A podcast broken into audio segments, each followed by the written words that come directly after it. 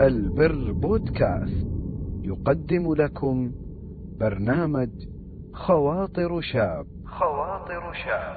تقديم فضيلة الشيخ حمد العتيق. حفظه الله. آه، شيخنا بعض الشباب آه، يعني تسمع منه كثير يقول أنا صغير. فيعني آه، يفعل بعض المعاصي. والذنوب واللي ممكن تكون كبيرة. لكن يقول يعني خلني أستمتع في الحياة. أنا مثلا بعدني صغير إن شاء الله بعدين لما أكبر حين أجرب وأعرف ولما أكبر إن شاء الله أستقيم وأمشي صح. لكن يكون عندي فكرة يعني عن الأشياء الثانية.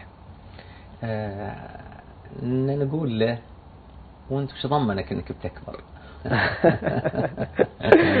عندك ضمان إنك بتكبر؟ ما في إنسان يضمن إنه بيكبر. وأيضا آه الإنسان حينما يجرب قد يدمن ولا يستطيع الترك حينما يكبر. يقول والله أنا صغير. نعم. لا تأمروني بالواجبات ولا تنهوني عن المحرمات. خلوني أستمتع بحياتي فيما يزعم. وإذا كبرت يمديني أحج وأتوب. يمديني أعتمر وأتوب. يمديني أصوم وأتوب.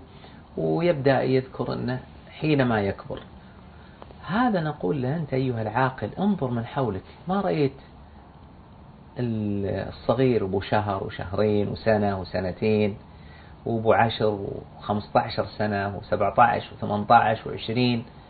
ماتوا هم لا زالوا شبابا وما بلغوا ما بلغوا المشيب نقول هذه الحجة صحيحة مئة بالمئة لكن لو كان عندك ماذا؟ لو كان. عندك يقين بأمرين. الأمر الأول أنك بتكبر. والأمر الثاني أنك إذا كبرت ستستطيع أن تتخلى عن هذه المعاصي. لأن المعصية مثل ما ذكر أهل العلم مثل الشجرة. إيه نعم. الشجرة أول ما تبدأ تبدأ صغيرة. إيه.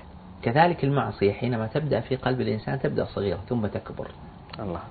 الشجرة الصغيرة لو طلعت أنت برا البيت ولقيت شجرة شوك توها طالعة استطاعتك أنك مباشرة تزيحها عن الطريق. فعلا. حتى لو أنك فقط دستها برجلك تنهي هذه الشجرة.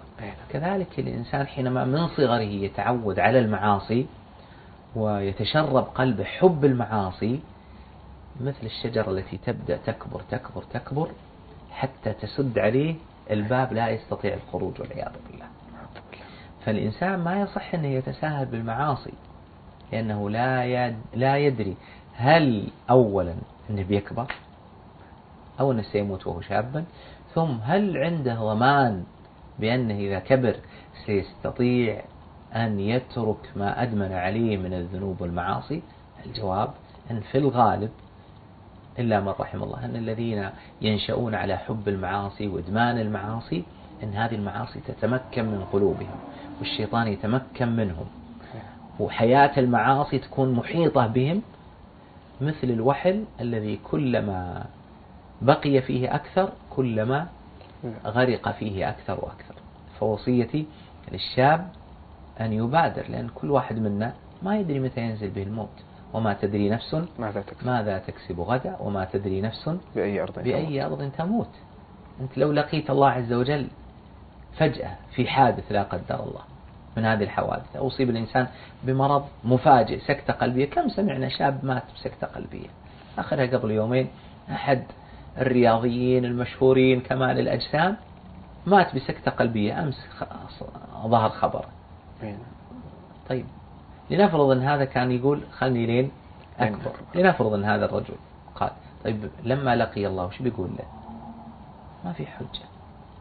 فالإنسان يبادر فإنه لا يدري متى ينزل الموت وقد يتمكن منه الشيطان وتتمكن منه المعاصي وتتمكن منه الشهوات حتى لا يستطيع أن يخرج من هذا الوحل والعياذ بالله.